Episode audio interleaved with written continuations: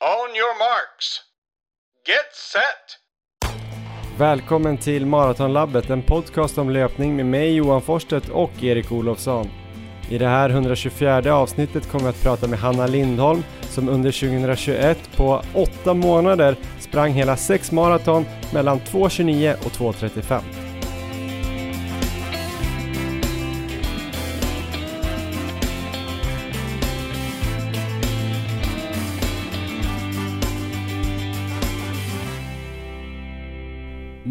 Ni hao! Nu ska ni vara varmt välkomna till avsnitt 124 av podcasten Maratonlabbet som ju jag Johan Forsstedt gör tillsammans med Erik Olofsson. Är du med mig där på andra sidan jordklotet Erik? Hallå, hallå, hallå! Ni hao Johan!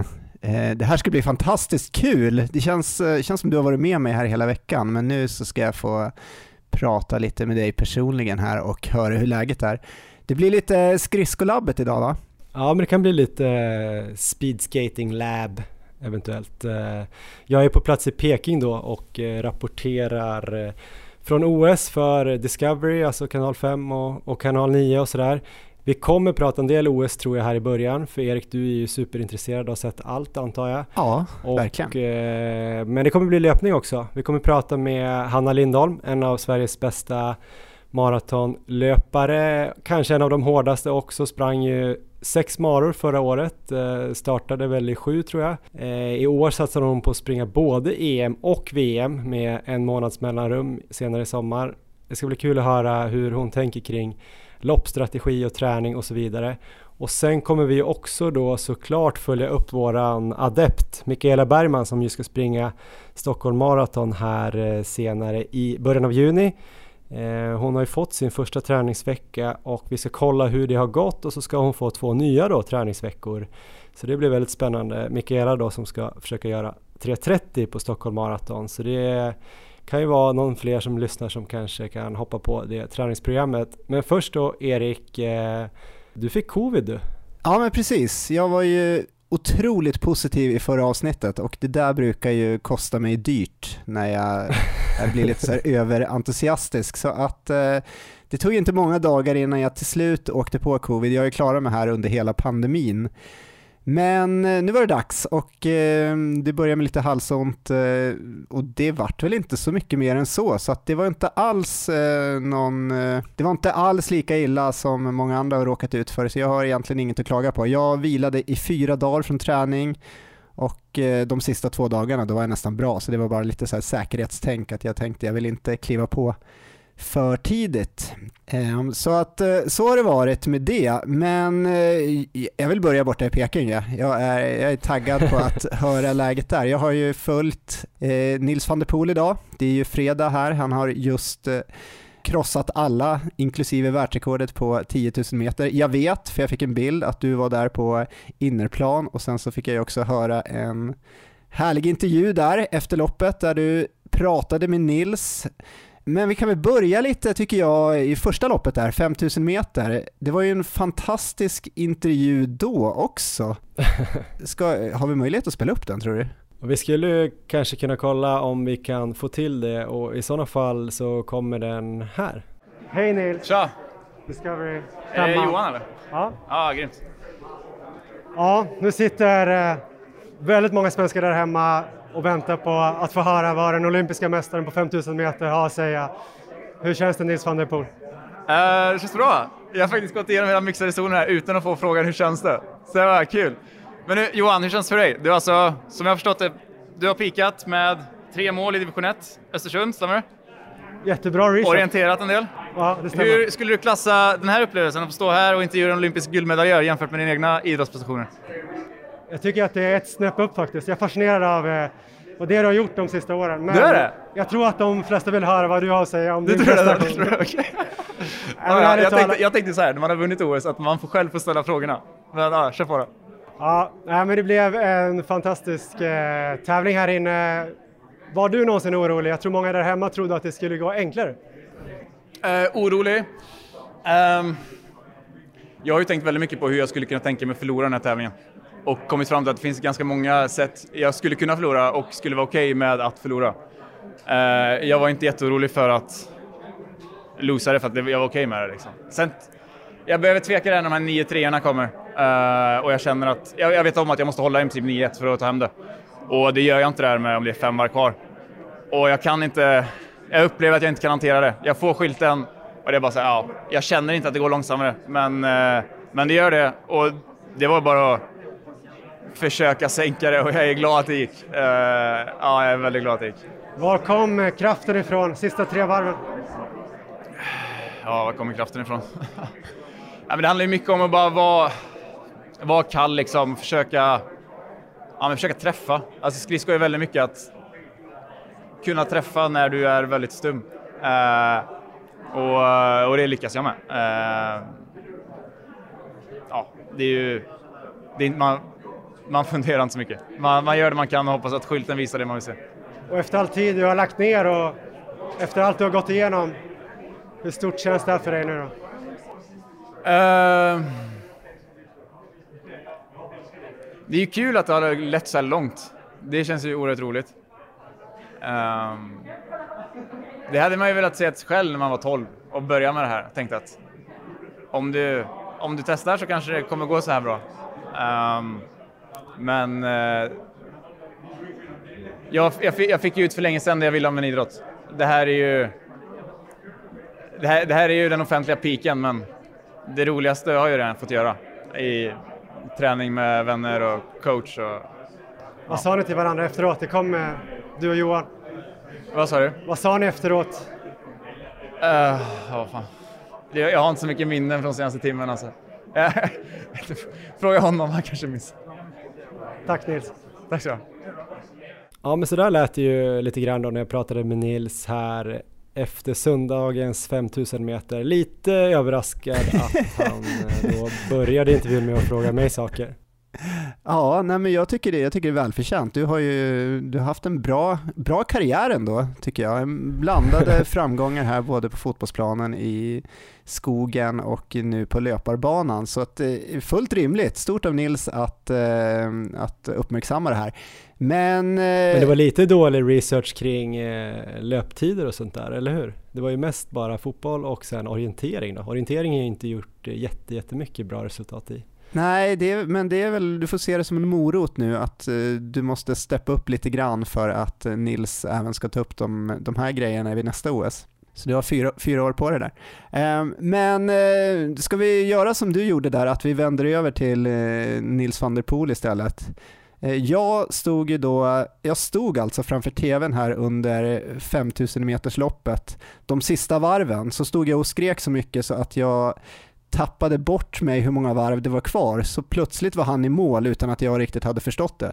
Men vilket drama! Hur upplevde du det på plats? Ja, men jag satt på läktaren den gången och tittade på det här loppet. Ehm, vi trodde ju, eller jag trodde ju att eh, han skulle ändå kunna vinna 5000 också ganska enkelt. Eh, men när han inte typ tog ledningen där i början och sen inte hämtade in så himla mycket så började ju folk sitta och skaka på huvudet där på pressläktaren och bara nej, det blir inget guld. Han har liksom jinxat det här, han har varit för självsäker. Det typiskt svenskt kanske, eller alltså typiska svenska vore ju att ligga lite lågt. Ja och sen bara liksom göra det ändå. Men, men Nils har ju kört verkligen tvärtom att han har ju haft väldigt bra självförtroende inför sådär. Men eh, då satt ju folk och skakade på huvudet där och det hade varit kul att se alltså, hur det hade sett ut om det varit en full hall där, för det var ju otroligt dramatiskt. Det var bland det häftigaste jag sett tror jag i idrottsväg. Ja. Nu är det ju väldigt färskt här så jag kanske kommer ändra mig men eh,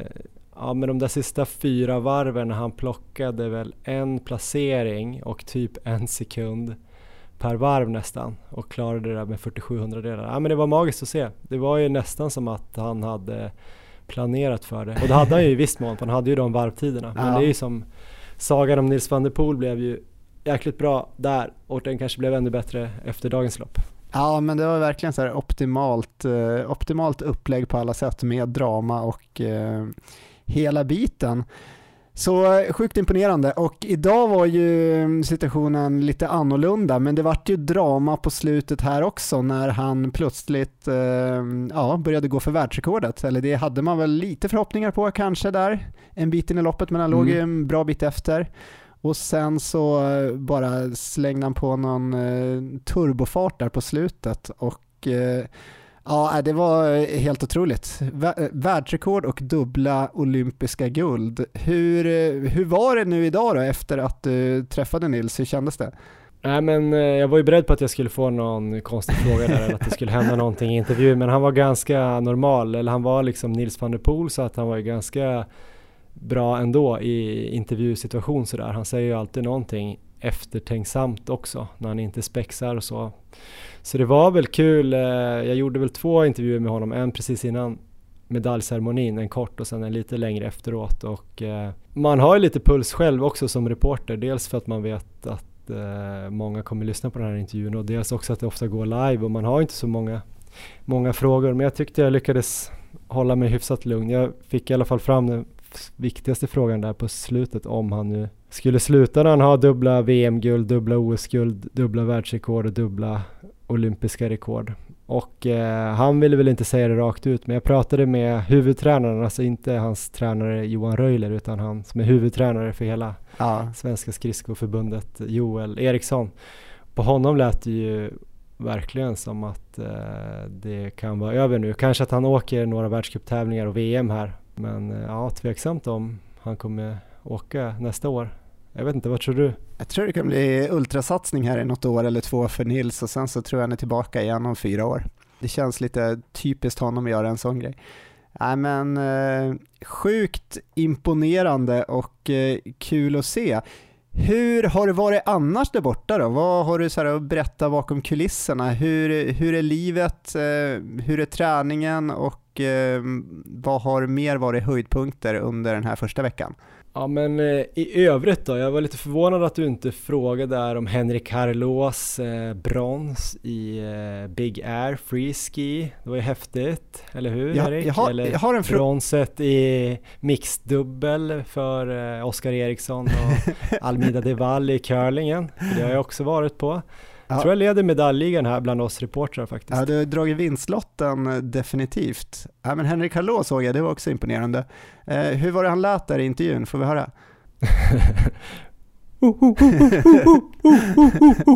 ja, någon ja. hund lät det, det var kanske inte perfekt men typ så. Ja, Går vi in lite på Big Air bara så eh, det har ju kavlats ut massa bilder här med, jag tror det är stora stålverk och grejer runt omkring där. Hur var miljön där? Är det liksom lika dystopiskt som det ser ut? Alltså jag tycker att det är sjukt häftigt ställe. Jag vet, jag såg på Twitter någon som hade gjort någon grej över det och så här, varför är vi ens här typ? Att det såg ut som, det var någon flygbild och det såg ut som ett stort industriområde och så är det bara det där hoppet mitt i. Men när man åkte igenom där, vi får ju inte gå ut någonstans men vi får ju åka liksom bil från hotellet till liksom mediecentret eller till olika arenor liksom. Bara rätt fram, vi får inte hoppa ut, vi åker in innanför stängsel och så här. Det är ja. jättestängd bubbla då för att vi inte ska komma i kontakt med lokalbefolkningen och på något sätt typ smitta dem med covid. Som om inte de gjorde det först liksom. Men vi får ju inte komma ut någonstans.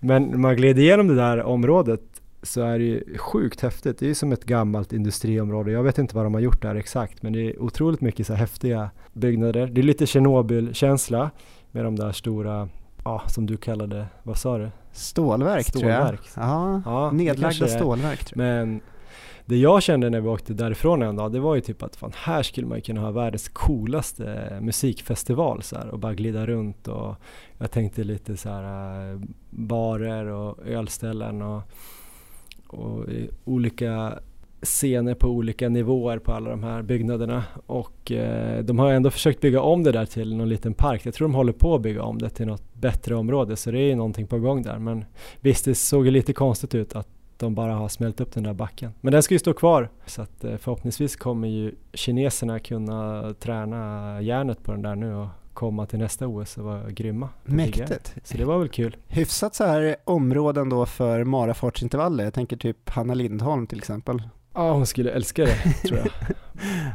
Nej men annars då, tänker det andra dagliga livet, jag vet inte om det är så kul eh, inblick, men vi bor på ett ganska bra hotell som, eh, ja, vi, ja, vi sover, äter frukost, sen drar vi iväg på olika grejer i de här bilarna eller bussarna, jobbar, gör intervjuer, kommer hem, får ju inte se någonting av Kina och sådär halvtaskig mat, men en viktig sak är ju att det finns gym på hotellet som jag får använda i princip så mycket jag hinner. Grymt.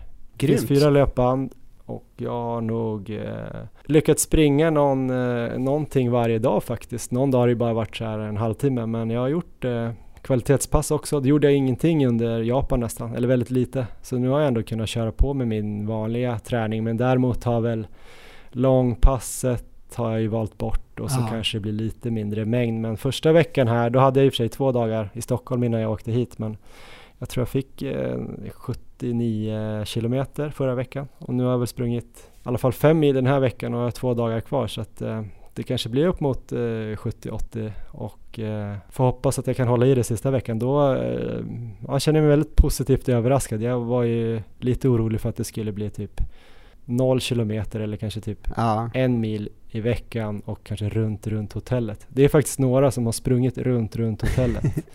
eh, vilket är helt sjukt, för det är helt inhägnat då. Så här, runt hotellet är det staket eh, och det är vakter runt hela hotellet. Så man kan inte komma ut härifrån. Eh, någon dörr såg jag hade även sånt här stort hänglås. Eh, en dubbeldörr som de har satt ihop i handtagen där så det går inte att komma ut ens om det börjar brinna. Det kändes lite obehagligt.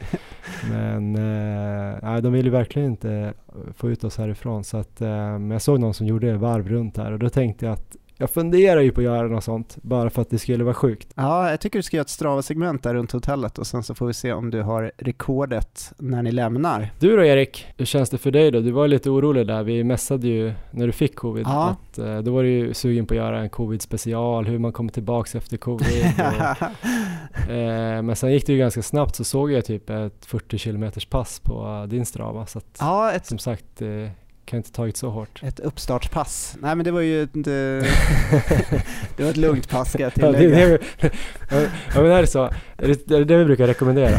Om man tar lika många dagar som man har varit borta och så första passet då, då, då tar man en mil per dag man har varit borta. Så du hade varit borta fyra dagar, då blev det 40 kilometer. Ja, det var så jag räknade i alla fall. Jag vet inte om jag ska rekommendera det, men nej, det var ju en fantastisk dag. Det var soligt och härligt och jag var så glad att bara vara ute igen. Ehm, Så det, det blev så. Och det gick ju ändå bra. Jag var ju ändå lite eh, nervös hur det ska vara att komma tillbaka så där. Man har ju hört att vissa har jättestora problem att komma tillbaka efter covid och för andra så är det liksom problemfritt. För mig, jag har ju fått en väldigt eh, lätt släng av covid ändå så att jag eh, det, det jag tänkte på mycket var väl att jag inte skulle köra kvalitet där i början utan försöka bara köra lugna farter och verkligen se till att det, det kändes bra och det gjorde det. Så att jag var som sagt borta fyra dagar då så jag fick en träningsvecka som var dålig men sen så kom jag igång här i måndags med ett långpass och sen så eh, har jag kommit igång bra igen tycker jag så det har känts lite bättre dag för dag och idag är det fredag. Idag provade jag faktiskt lite kvalitet här så att jag var ute alldeles nyss. Jag kom in här precis innan inspelningen och körde en kenyansk distans på 12 km där jag började i någon slags 5-15 fart och sen så ökade jag lite för varje kilometer där. Så att sista sådär 5-6 kilometerna var väl under 4 fart i alla fall och jag avslutade med en kilometer på 3.26 med eh, bra känsla. Så att eh, jag tycker det är ett ganska bra upplägg också om man kommer tillbaka efter att inte ha kört kvalitet på länge. Jag har ju inte kört det egentligen nästan alls i januari nu när jag har bara fokuserat på att få upp volymen rejält. Eh, så då har jag ju inte haft de här snabba farterna och då kan ett sånt pass som kanadensisk distans bli ganska optimalt för då blir det som att man man testar en, lite, en fart i taget och sen så är det väldigt lätt att eh, backa då om man känner att ja, men det här är jag inte riktigt van vid, nu börjar det komma någon liten känning och eh, om det väl känns bra då kan man ju testa lite snabbare farter och man är ju definitivt eh, tillräckligt uppvärmd när man kommer ner i de snabba farterna. Skulle jag till exempel idag bränt av kanske 10 gånger 1000 så tror jag att det är större risk att jag eh, startar i någon fart som kanske är lite för hård. Men eh, Mm. bra pass idag och eh, ja, men jag vill upp ändå på 13 mil tror jag med två dagar kvar så eh, det är ändå en väldigt bra vecka.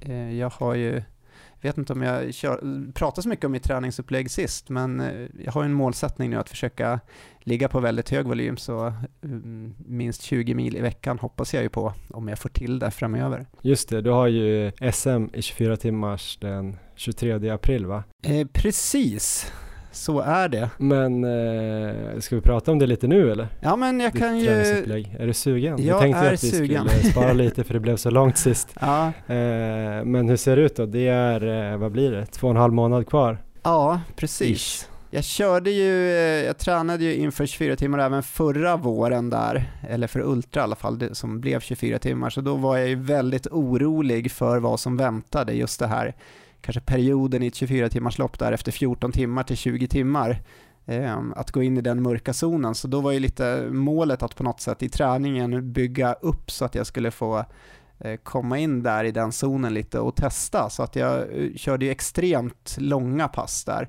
och hade ju tankar där på att bygga upp till någon slags pass på 16 timmar.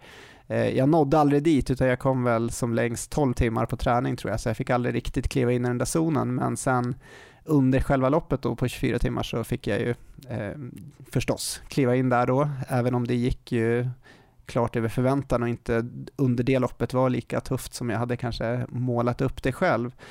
Men just den erfarenheten gör att jag i år känner att jag kanske inte har det där behovet av att springa de här superlånga passen utan jag ska istället fokusera på en eh, totalvolym som är riktigt hög. Jag tror det är rätt upplägg.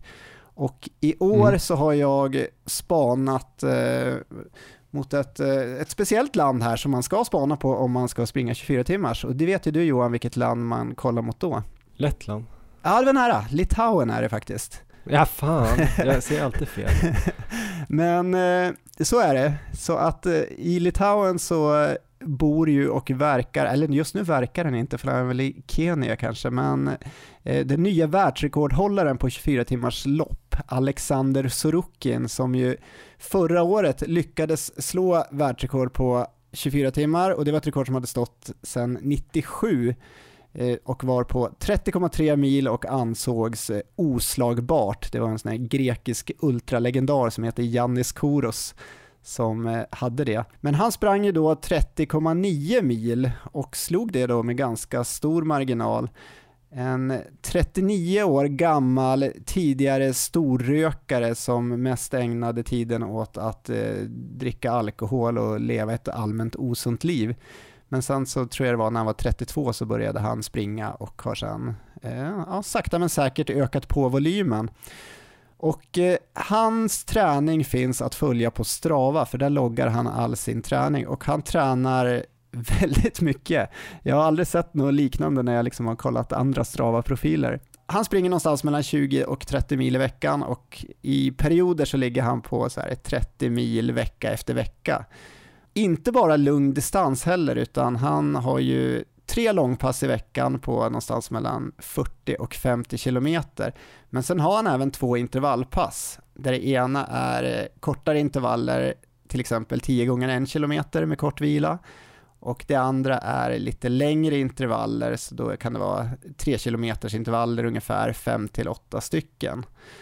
Och sen så tränar han också på gym ett par gånger i veckan. Det är en ganska så här, biffig kille, så att det inte den här typiska maratonlöparen om man kollar på honom. Och han säger där även, jag har ju lyssnat på otroligt mycket intervjuer från alla poddar jag har eh, kommit över med honom här. För jag tänker att det här, är, det här är den man ska studera om man nu ska få bra koll på vad den absolut bästa gör. Mm. Och mm. eh, jag tycker han har en intressant eh, filosofi med träningen. Så det är ju det är inte helt olikt så här ett eh, maratonupplägg egentligen.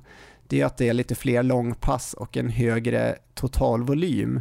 Men sen så är det ju intervallpass och sånt inlagt ändå. Så att jag kommer göra någon slags modifierat eh, Sorokin-upplägg här. Det är klart att man kan inte lägga sig på hans eh, veckor exakt eller köra hans farter för han springer ändå, eh, det är ganska snabba farter både på eh, en del långpass och på eh, de intervallpassen. Så jag ska försöka hitta en egen nivå i det, men jag kommer gå efter det upplägget, så jag kommer försöka ha en tre långpass i veckan ungefär, någonstans mellan, ja, säg 30 och 50 kilometer då. Och sen så ska jag försöka få in eh, två kvalitetspass i veckan, men det är väl det som jag känner är kanske inte prio ett, utan min första prioritet är att komma upp i volymen så att jag ligger högt där, men är det möjligt sen att få in kvalitetspass också så kommer jag köra det. Och sen så gymträningen då. Ja men fan härligt att du får in gymträningen Erik. Ja men det, det är ju superkul faktiskt. Kommer ihåg när vi spelade fotboll igen, och, eller fotboll ihop och du bänkade 130 130. Ja, men jag tror jag var uppe på ja, 120 i alla fall tror jag. jag pers på. Jag är inte säker på att jag kommer nå upp dit igen. Eh, Men... Är det det Sorokin gör eller? jag vet inte, men han har, han har så en del muskler på överkroppen och han säger att det är eh, bra för att hålla uppe hållningen under ett 24 timmars lopp. Så det, är ju, det känns ju nu som att jag ändå börjar så här, eh, hitta, hitta en löpgren eh, som ändå passar mig ganska bra tror jag. Så jag, är ganska, jag är ganska nöjd. Han kör också ett eh, simpass i veckan faktiskt, men det, där går liksom gränsen känner jag att eh, okej. Okay, det känns ju farligt. Ja, allt det andra det är, ju, det är ändå rimligt på något sätt, men att simma, nej det, det, då går det för långt. Det såg vi där i Ångaloppet också, att jag, det kanske inte kommer ge mig jättemycket i vilket fall. Men eh, Sorokin är också bra på så här, korta distanser va, som 12 timmars och 100 miles och sånt. ja, han har världsrekord Så han är ganska sprintig. Så jo, precis, de här korta distanserna är han också bra på. Men jag kan väl, eh, jag fick ett tips av Josef Hamber som ju också börjat springa Ultra nu. Han satsar ju på eh, 100 kilometer km här på SM samma dag faktiskt som 24 timmars går. Och det är en YouTube-film som finns där, Sweat Elite. Det är ju eh, en grupp, vad ska man säga, riktigt nördiga killar som reser världen runt och träffar många av världens bästa löpare. Då är det framförallt maratonlöpare de har träffat. De har ju varit och tränat med Kipchoge till exempel och lagt upp filmer därifrån. Men de hade nu befunnit sig i, i Iten i Kenya och där hade de hängt med Sorokin på ett långpass. Så de cyklade bredvid och filmade. Och då intervjuar de honom under det här, det är väl ett fyra mil långt långpass, eh, om allt möjligt, taktik, energi och träning. Så det, det är bra och sevärt. Så söker man på YouTube på Sorokin och Kenya så kan man få titta på det. Men vad tror du blir den största utmaningen för dig då att eh, fullfölja den här, eh, den här typen av program då, träningsprogram? Eh, st största utmaningen blir utan tvekan att få ihop hela livssituationen nu så att jag får tillräckligt med återhämtning med sömn och den biten för att eh, nu är det så att Leons eh, mamma då som Leon är hos varannan vecka har fått jobb i Stockholm så hon har börjat pendla här från Uppsala till Stockholm och för mm. att Leon inte ska få jättelånga dagar på skolan från ja, supertidig morgon till väldigt sent på kvällen så har jag börjat hämta och lämna honom även på hennes veckor. Och det gör att eh, eh, ja, sömnen blir ju inte alls lika bra som det var innan utan jag måste ge upp eh, väldigt tidigt. Det kommer inte vara helt självklart alla veckor tror jag att jag kommer få ihop hela livspusslet för att eh, eh få in alla de här milen men jag hoppas ändå att jag ska kunna lösa det på bästa sätt. Vi har ett samarbete med Löplabbet som är eh, Sveriges största butikskedja för löpning med åtta fysiska butiker och en jättebra webbutik, eller hur Erik? Det brukar jag ju säga och det stämmer ju faktiskt. Ja men det stämmer 100%. Den hittar ni på löplabbet.se och där kan ni ju köpa en massa skor och andra prylar. Ni kan ju också läsa om eh, Ja, ni kan få olika tips om både material och prylar till löpning men också hur man ska träna och annat. Eh, man kan kolla in den här skoväljaren också. En sko som de nyss har släppt Erik, som faktiskt jag har fått tag på. Ja. Jag hann precis få tag på den innan jag åkte till Peking. Det är Asics Gel Nimbus Light 3. Jag kan tänka mig att du är sugen på att eh, få tag i den också. Varför är du sugen på det Erik i sådana fall? Ja men nu vart jag lite avundsjuk här. Det är ju, skulle nog säga att det är min favoritsko bland distansskor, de två tidigare modellerna. Så att jag är väldigt exalterad här över version 3. Mm. Jag åkte faktiskt eh, till en butik och hämtade ut dem där precis samma dag jag åkte till Kina. Så nästan så att jag inte hann eh, packa då eh, för att jag hämtade de här skorna istället. Så nyfiken var jag. Nej då, men eh, vi har ju sprungit i både ettan och tvåan. Eh, tvåan var lite annorlunda än ettan. Jag skulle säga att trean är väldigt lik tvåan. Okay. Lite annan överdel och så, men samma känsla i sulan. Eh, samma lätthet, ungefär 260 gram. Eh, men ändå stabil och hyfsat bred och eh, den känns väldigt skonsam att springa i samtidigt som att den är lätt. Och det är ju perfekt för en distanssko tycker i alla fall jag. Det är 10 mm dropp eh, men ganska vanlig sko men jag tycker att den här sulan gör att den, eh, den är inte så här eh, svampig men den är samtidigt väldigt skyddande och dämpande när man springer så att den här rekommenderar vi starkt att ni kollar in i alla fall. Det är inte säkert att den passar just er eller just dig som lyssnar på det här men en bra kandidat. Som sagt, både jag och Erik har sprungit eh, sönder både ettan och tvåan och snart kommer väl jag ha sprungit sönder trean. Jag har använt den här då i Peking på alla mina distanspass. Bara på löpande än så länge men den känns jättebra. Jag har aldrig problem med hälsenan när jag springer med just de här skorna. Det är faktiskt sjukt och sant. Löplabbet har ju också nått eh, samarbete i sin tur med Asics Frontrunners. Eh, om man vill gå med i Asics Frontrunners eller ansöka om att få gå med där så eh, har man då fram till den 22 februari på sig. Och antingen går man in då först på eh, Löplabbets inst Instagram och kollar eh, tillbaks i deras flöde så kan man se där lite grann. Där finns det information om Asics Frontrunners. Eller så går man helt enkelt in på Asics hemsida och eh, letar fram hur man ansöker. Det är eh, säkert superinspirerande och kul att vara med i Asics Frontrunners. Jag tror Elmina Saxi är med bland annat. Hon går det bra för. Ja, hon hade en bra säsong förra året. Vi har också ett samarbete med Flowlife eh, som ju gör återhämtningsprodukter och en del träningsprodukter. Återhämtning tycker vi är otroligt eh, viktigt. Eh, framförallt då kanske sömn och mat, Erik. Ja. Men eh, även eh, Flowlifes produkter använder vi en hel del. Dels deras massagepistoler och eh, den här Flowpillow, deras massagekudde går ju varm både hemma hos dig och eh, hos mig. Och det är inte bara vi som använder massagepistoler Erik. Nej men precis Johan. Du hade en spaning här. Jag har haft en spaning här. Jag var i veckan på stavhoppsgala i Uppsala faktiskt. Det var ju Armando Mondo Duplantis själv då som ordnade en gala med hela världseliten får vi säga på plats.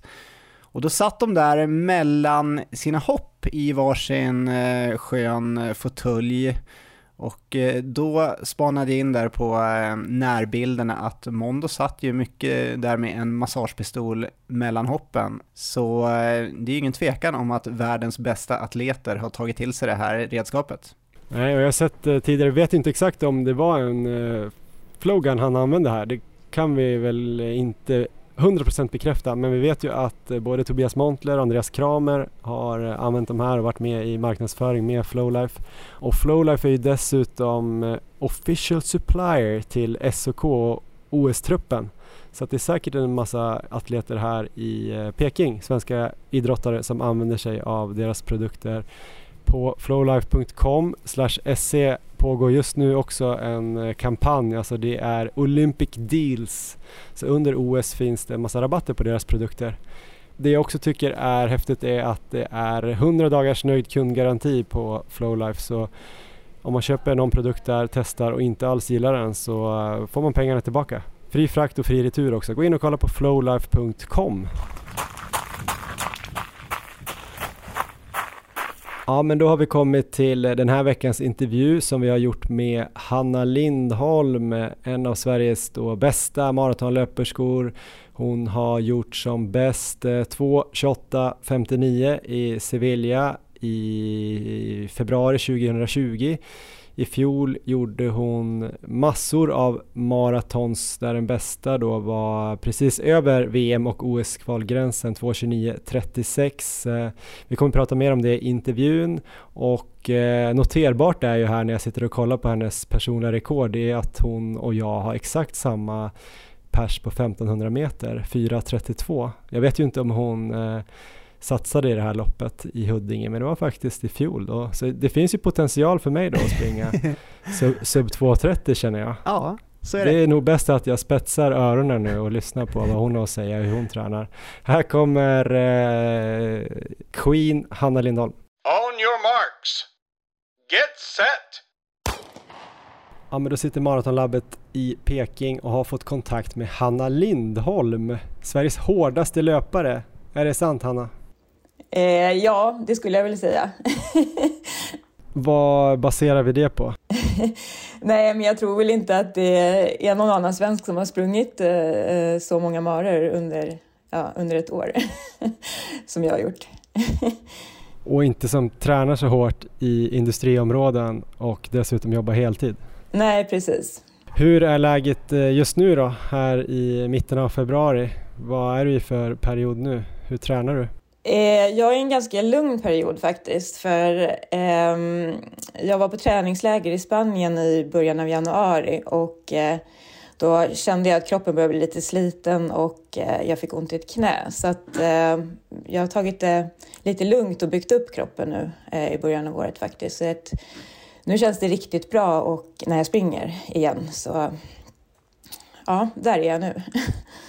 Om vi backar tillbaks direkt då. Vi vill ju börja prata lite grann om 2021 eh, faktiskt, eh, som ju var ett imponerande år för dig. Framförallt i antalet maror och eh, någonstans även snitttiden på dina maror. Du sprang ju, du startade i sju och du sprang i mål på sex och eh, du sprang allt från 2.29.36 till 2.35 tror jag. Men ingenting mm. eh, långsammare än så. Det måste varit något snitt på 2.33 där då, och på de platta marorna, du gjorde ju både New York och Stockholm, men på de platta marorna måste ju snittet ha varit typ 2.31. Något sånt. Hur var det egentligen? Eh, nej men eh, jag vet inte, alltså det, det bara liksom eh, eh det bara blev så att, eh, att jag sprang så många maror. För jag kände liksom att eh, eh, hela året, jag vet inte, det, det fanns inte så mycket annat att göra förra året eftersom OS inte blev någonting med och det visste man ju ganska tidigt också jag vet inte, jag tycker det kändes eh, bra liksom. Jag känner att jag liksom har, jag vet inte, det känns som att jag har byggt upp en bra lägstanivå på maraton. Mm. och jag Verkligen. har liksom ingen fruktan för distansen längre. Liksom, jag har varit med om så många olika scenarier hur det känns också i, i slutet av loppet. Liksom. Så att, ja. Ja, men du gjorde en start i april där du inte tog dig i mål. Sen gjorde du två starter med kort tid emellan i maj. Först Milano där du sprang 2.31.05 och sen så behövde du ju väl egentligen springa snabbare för OS-kvalet så då ställde du upp åtta dagar senare, eh, sju dagar senare och sprang i Österrike på 2.29.36 det var väl sex sekunder över den internationella OS-kvalgränsen. Eh, hur var det liksom? Hur gör man två så bra maror så snabbt in på egentligen? Ja, det var väl så att i Milano så kände jag ju att jag fick ju liksom inte ut. Jag hade en dålig dag och eh, jag fick liksom inte ut eh, max av loppet. Jag sprang liksom bara igenom det i slutet liksom i ren eh, frustration. Och jag kände mig liksom återhämtad väldigt snabbt efter och bara gjorde någon testträning där jag sprang ja, men, några två minuter jättefort. Och som var ju lite sådär att man bara ville ha lite, lite revansch. Jag visste ju liksom att jag inte skulle kunna springa på den tiden som SOK krävde i alla fall. Men jag kände ändå att jag bara, alltså, jag, bara, nej, men jag måste, jag måste, så fick jag göra om det här liksom. Och så fick jag bara nys om det där loppet. Så då liksom tog, tog det ett dygn och så fixade vi in mig där liksom. Eh, ja. det var, var en, hela, hela den upplevelsen var bara helt, helt absurd, hela resan. Eh, jag, vet inte, jag fick inte bo med de andra utan eh, jag bodde med tävlingsledarens eh, syster ute typ på vischan någonstans för det fanns ingen plats för mig på hotellet. ja, eh, och eh, ja, jag vet inte, sen bara började det ösregna när loppet startade. Så att jag vet inte, allting var bara helt galet i mitt huvud där och jag var, jag vet inte, jag var bara i, det var mycket adrenalin liksom som jag sprang på där. Men jag tänker även om det finns liksom nya mer väldämpade skor att springa i sådär så sju dagar är inte jättemycket mellan två maror. Och det där i Österrike var ändå din tidsmässigt bästa mara hela, på hela året. Jag mm. kan liksom inte få ihop det riktigt. Eh, nej, jag, nej, jag förstår inte riktigt heller faktiskt. Men eh, alltså mycket handlar ju liksom om hur kroppen är för dagen eh, och eh, banan och vädret och, och sådär. Nu ska jag inte säga att det var jättebra väder i Österrike, liksom, men det var helt förskräckligt. Men ändå så, ja, jag vet inte. Det, nej, jag får inte heller riktigt ihop det. Men jag skulle nog säga att jag haft lite otur med uppladdning och sådär inför övriga marer eh, som kom senare. Men det där loppet då, säg att du hade sprungit i Milano och gått av efter 2025 så hade det blivit ett, ett hårt sista pass. Tror du att du hade kunnat springa ännu snabbare i Österrike där än 2.29.36? Alltså det är ju hypotetiskt.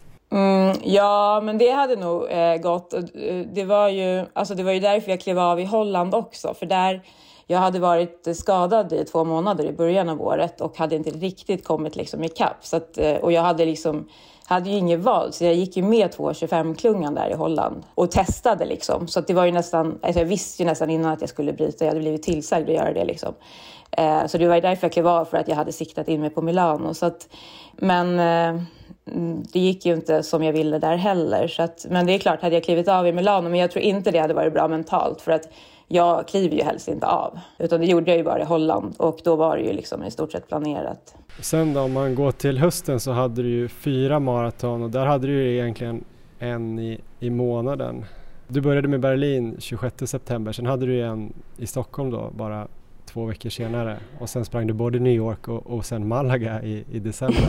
Mm. Var det liksom spontant också eller var det något, på något sätt planerat? Nej, alltså det, Berlin var ju verkligen planerat och jag hade tränat jättebra. Eh, men eh, jag sprang ju eh, halvmara-SM i Göteborg där i den där var, värmen eh, två veckor innan Berlin. Eh, och eh, det slet på mig. Alltså man hade ju liksom inte planerat för det där vädret. Det hade nog ingen gjort. Det var ju många som bröt också. Men jag sprang ju väldigt bra för jag var i väldigt bra form eh, och tog SM-silver. Men, eh, men eh, efter det så kände jag nog att, eh, att det hade slitit alldeles för mycket. Och då kom jag liksom aldrig i fas igen där till Berlin. Och sen var det ju varmt i Berlin också. Eh, och, och då var ju liksom den utgångsfarten eh, som man hade eh, tänkt att ha liksom alldeles för, för hög. Och det gällde ju alla som sprang. Liksom. Eh, så det var inte så mycket att göra åt tiden där. Liksom. Ja, sen så kom jag liksom... Det kändes inte så bra veckan efter Berlin då, men sen så började jag träna igen och blev ju lite sugen på Stockholm där. Jag var ju inte anmäld överhuvudtaget. men det var ju bara att lyfta luren där jag vet inte om det var två dagar innan eller något, mm. och säga att jag ville springa. Så att, eh, ja, så då dök jag upp där på presskonferensen. Men när du tar ett sådant beslut, är det liksom eh, tävlingsdjävulen som växer inom dig? Att du vill liksom ja, men mäta dig mot typ Carro, Wikström och, och de andra?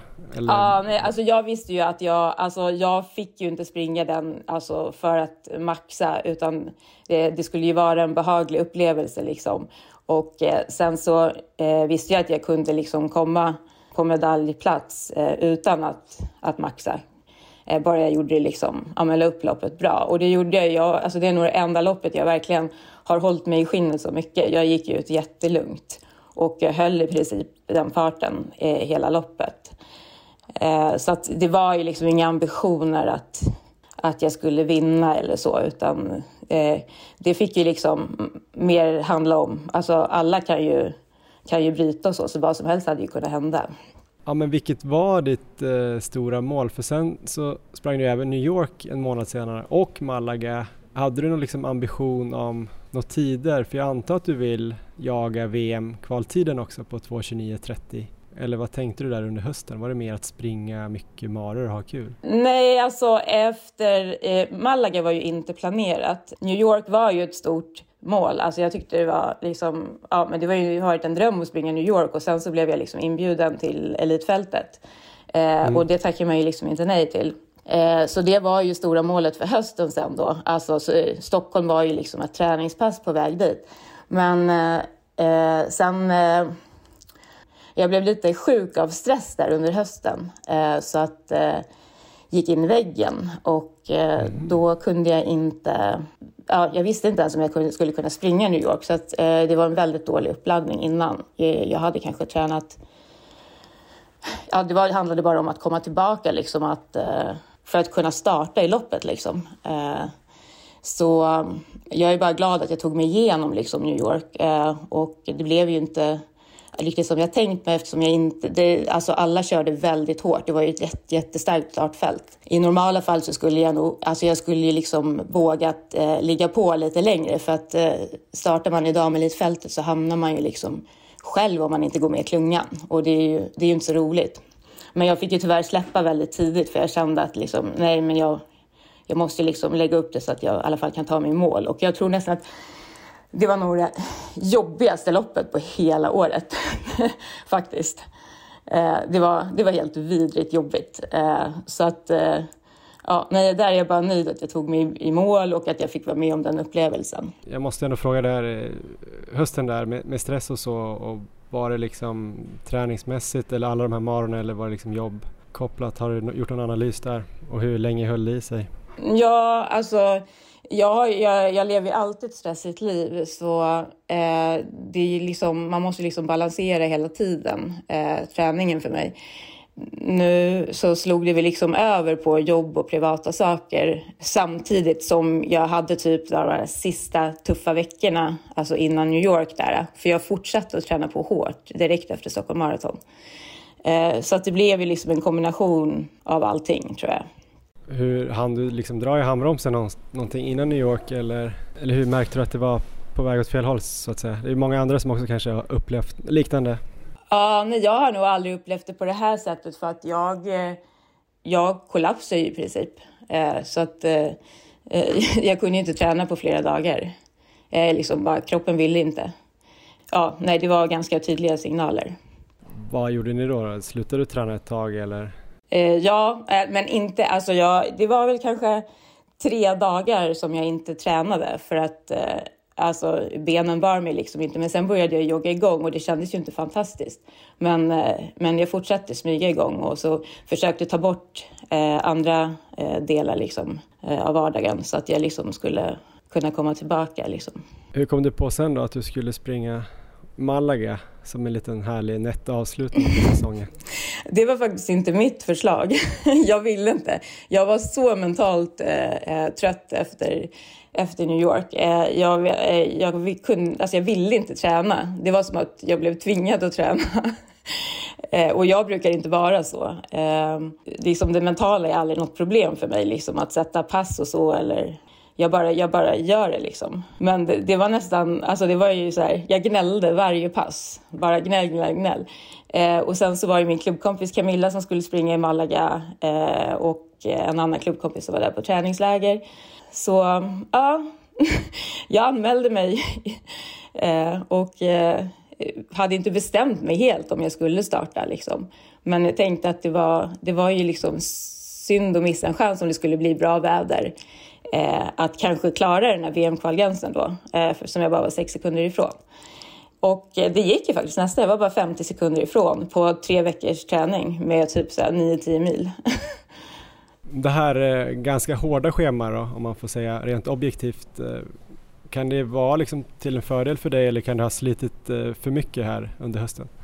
Nej, jag tror inte att det har slitit eh, alltså, för mycket. Alltså, i, alltså, för min, alltså inte träningsmässigt. Eh, det är ju liksom andra delar i mitt liv som liksom, eh, påverkar hela tiden. Men om man blickar lite framåt då? 2022 är ju ett intressant år med både EM och VM. Nu har du ju fått lite mer erfarenhet här, minst sagt 2021. Eh, vilka delar liksom själva utförandet av ett maraton, vad måste du få till för att eh, kunna springa liksom ett perfekt maraton? Och tror du att du kommer göra det någon gång? Eh, ja, det tror jag absolut att jag kommer göra. Eh, nu, alltså, man behöver ju absolut eh, en, snabb, en snabb bana och Eh, bra väder och en bra klunga eh, om, man, om man nu ska liksom överprestera och eh, eh slå liksom stort personligt rekord. Eh, så är det nog för de flesta.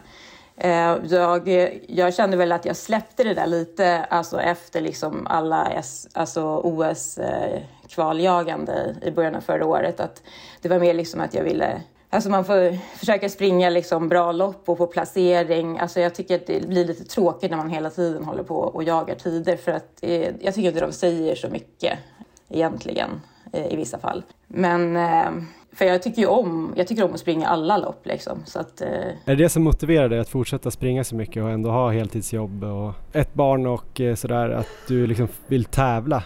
Är det tävlingen som driver dig eller är det någonting annat?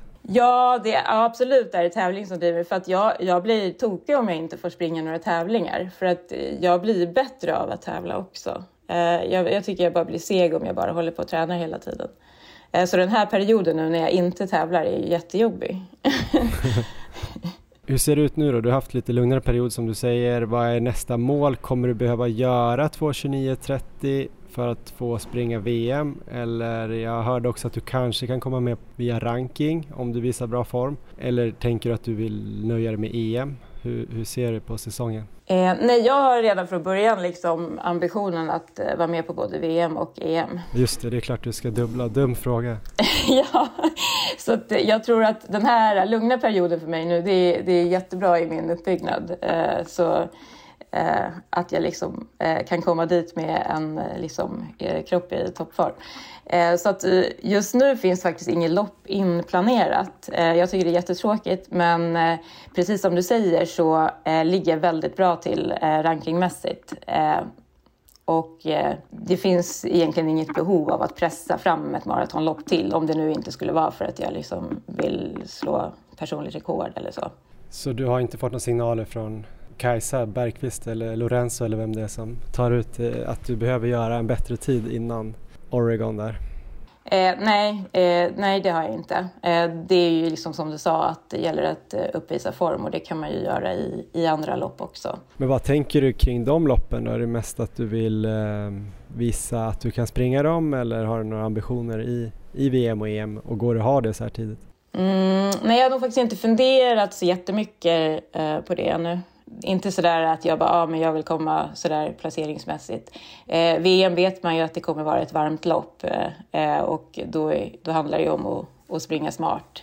Eh, EM, där är det ju liksom, där är ju större chans att, eh, att kunna ta en bra placering och även eh, för det svenska laget då. Så det blir liksom, kanske lite annat, annat upplägg på det. Men om man tänker lite planering då framöver här i vår, när börjar ni dra igång? Mer ordentligt så att säga och hur brukar dina maratonuppbyggande perioder se ut för att du ska kunna bli i toppform? Det kommer nog dröja ett par veckor till innan jag är eh, liksom uppe i, i full träning igen. Eh, eh, nu är det fortfarande mycket styrketräning varvat med eh, löpning och crosstrainer så att jag kanske är uppe på 10 mil bara den här veckan löpning. Så att, eh, ja, jag vet inte riktigt, men om några veckor kanske eh, man drar igång. Men jag brukar, alltså man vill ju ha en sådär tio veckors period, det är ju liksom det optimala eh, innan, innan en mara. Men jag, jag vet inte, jag har sprungit med så himla många olika upplägg. Alltså, ja du vet, en vecka, två veckor, fyra veckor, mm, sex mm. veckor. så att, men, men generellt så är det väl liksom att man behöver få in några veckor med, eh, alltså, med riktigt långa långpass. Men hur mycket, du sa 10 mil lite, vad brukar du ligga på eh, och snitta när du känner att nu är du uppe i normal volym så att säga? Eh, bara sådär ja, men 15 mil i alla fall eh, då, då, då det, det rullar ju runt på liksom. Men sen eh, när jag kliver över där till 16-17 eh, då börjar det liksom, alltså då måste jag liksom skala lite eh, på, på vardagen eh, för, att, för att det ska funka. Så att jag har faktiskt inte legat på så jättehög volym eh, under förra året, har jag inte. En sak som jag är lite nyfiken på, eh, jag antar att du tycker, det låter så, jag läser mellan raderna här nu, men att eh, du inte fick ut max i någon mara tidsmässigt mot vad du kanske kände att du var tränad för.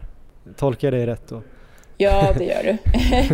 alltså det, det gör det, men eh, alltså, träningspassen jag sprungit har ju liksom indikerat att jag skulle kunna göra 2.26, 2.27 liksom.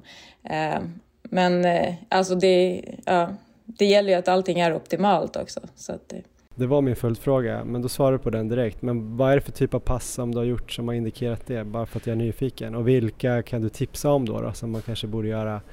Ja, kanske alla borde inte testa dina eh, pass då, eftersom du är hårdaste löparen, men eh, på ett ungefär vad man skulle kunna sträva mot. Mm, menar du eh, tidsmässigt på de passen eller? Jag menar kanske om du hade några exempel dels på eh, bra maratonpass men också gärna några pass med tider som visar att du har, har mer i kroppen, alltså mest för att jag är nyfiken. Eh, ja, nej men alltså sådana pass som alltid återkommer för mig det är ju så, eh, till exempel eh, många tusingar, typ 18 gånger 1000. Eh, ja, som man liksom kanske är någon sådär mätfaktor liksom hur man ligger till och sådär med kort vila. Men eh, nu har jag faktiskt, eh, nu var det ett tag sedan jag sprang sådana pass. Jag har inga tider i mitt huvud, alltså vad man bör ligga på för att springa på 2.27 sådär. Men brukar du ligga ner mot marafart eller lite snabbare då om det är tusingar? Eh, nej, då springer jag oftast progressivt och eh, eh, det blir ju snabbare än marafart blir det ju. Så någonstans eh, en bit under 3.30 i alla fall då, ner mot 3.20 kanske till och med när du kommer igång? Ja, precis. Men eh, vad är din nästa lopp då? Du har du något lopp planerat eller tar du det bara liksom i den tiden det tar att bygga upp dig? Eh, nej, men alltså jag funderar ju på om jag ska springa en halvmara eh, och eh, det, jag vet inte, det finns inte så supermycket lopp att välja på. Det är väl Berlin eller Barcelona i sådana fall. Just det. Men sen har jag en startplats i Rotterdam också. Eh, men som sagt var, jag vet inte om jag kommer starta.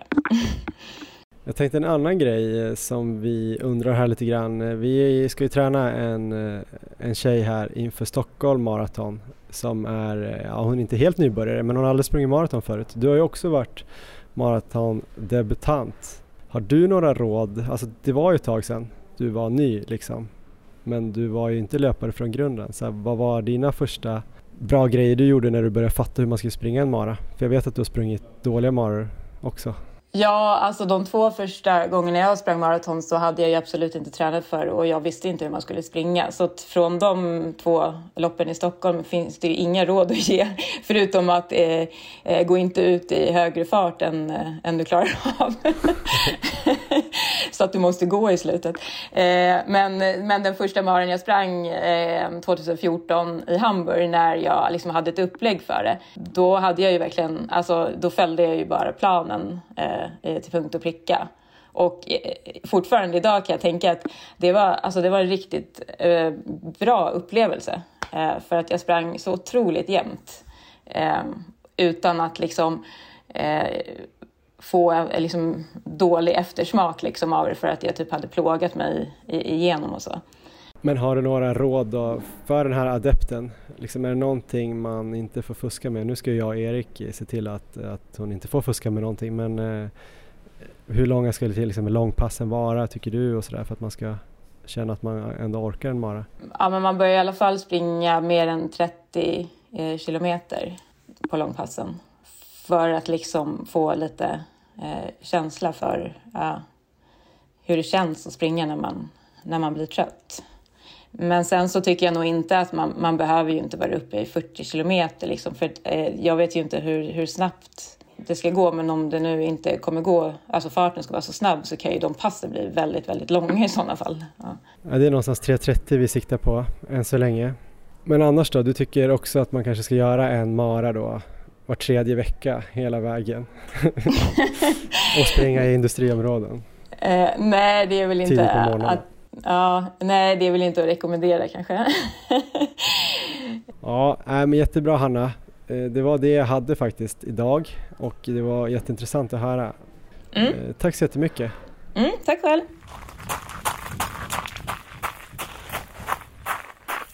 Ja, vi tackar Hanna Lindholm för den där intervjun. Hanna som ju hade ett eh, ganska speciellt eh, tävlingsschema förra året, Erik. Eh, om, frågan är ju om hon blev lite slutkörd av det. Vad tänker du om du får tänka någonting? Vi ska inte lägga oss i, men eh, vad säger du om det? Skulle du ha kört så här många maror? Eh, nej, jag skulle ju aldrig klarat att köra som Hanna gör. Hon är ju verkligen Sveriges hårdaste löpare alla kategorier tycker jag. Det är ju, alltså det är ju imponerande på ett sätt att det liksom är möjligt och att prestera så bra på så många lopp. Men sen så eh, inför kommande säsong så, det låter ju ändå tycker jag lovande när hon eh, pratar om eh, hur, i alla fall tanken är att de ska lägga upp hela säsongen här. Jag tycker hon gör helt rätt att satsa både på EM och VM. VM går ju i slutet av juli och EM går i slutet av augusti, så det är väl en, sådär en fyra veckor kanske mellan loppen, möjligen fem. Ehm, och är det någon som kommer fixa det utan några problem alls så är det ju Hanna förstås. Så helt rätt och jag hoppas att hon är klar alltså, eh, som ni pratar om här i intervjun, så att hon inte behöver prestera någonting under eh, våren innan. Och eh, om det är så, så tycker jag, nu kommer jag in med mycket åsikter här, alltså det, men det, det får vi göra här i podden så det är kul. Då tycker jag inte att hon ska springa någon mara, utan det är klart hon älskar ju att tävla sådär, så satsa på lite kortare distanser och sen eh, bara fullt fokus eh, på de här två loppen. Jag har kollat lite, jag tänker att jag bara slänger in här emellan ja. då, just som svar på den frågan. Först och främst är det då eh, VM 18 juli i Eugene, Oregon och sen är det EM i München, Tyskland 15 augusti, så det borde vara fyra veckor. Ja. Hon är ju redan klar för EM i München. Där krävs det 2.32 individuellt och under 2.36 för laget. Där är hon redan uttagen att springa då individuellt, eller och i laget såklart. Så det kommer hon ju springa. För VM då är det ju den här 2.29.30 kvalgränsen som gäller till OS också.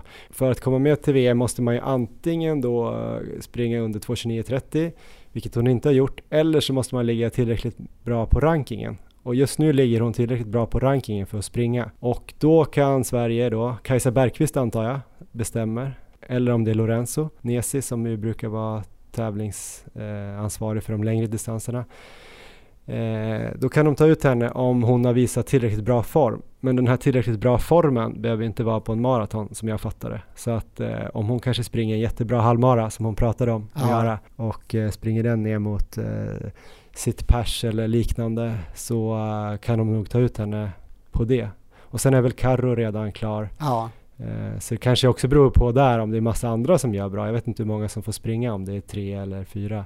För det kan ju vara så att uh, någon av de här andra duktiga tar kliv eller Sara Lahti får för sig att springa en mara eller ja, hon lär ju vilja köra 10 000 i, i VM i och för sig. Men, men så jag tror typ att hon kan slippa springa en mara i alla fall. Och då kan du fortsätta ditt resonemang. ja, men vi, vi, får hoppas på det då, att hon uh, får klartecken. För då, Ehm, två mästerskap, det är klart Hanna ska springa det. Och sen fattar jag att hon vill göra, som man pratar om där, en riktigt snabb mara på kanske, ja, säg att det är 2.26 eller något sånt.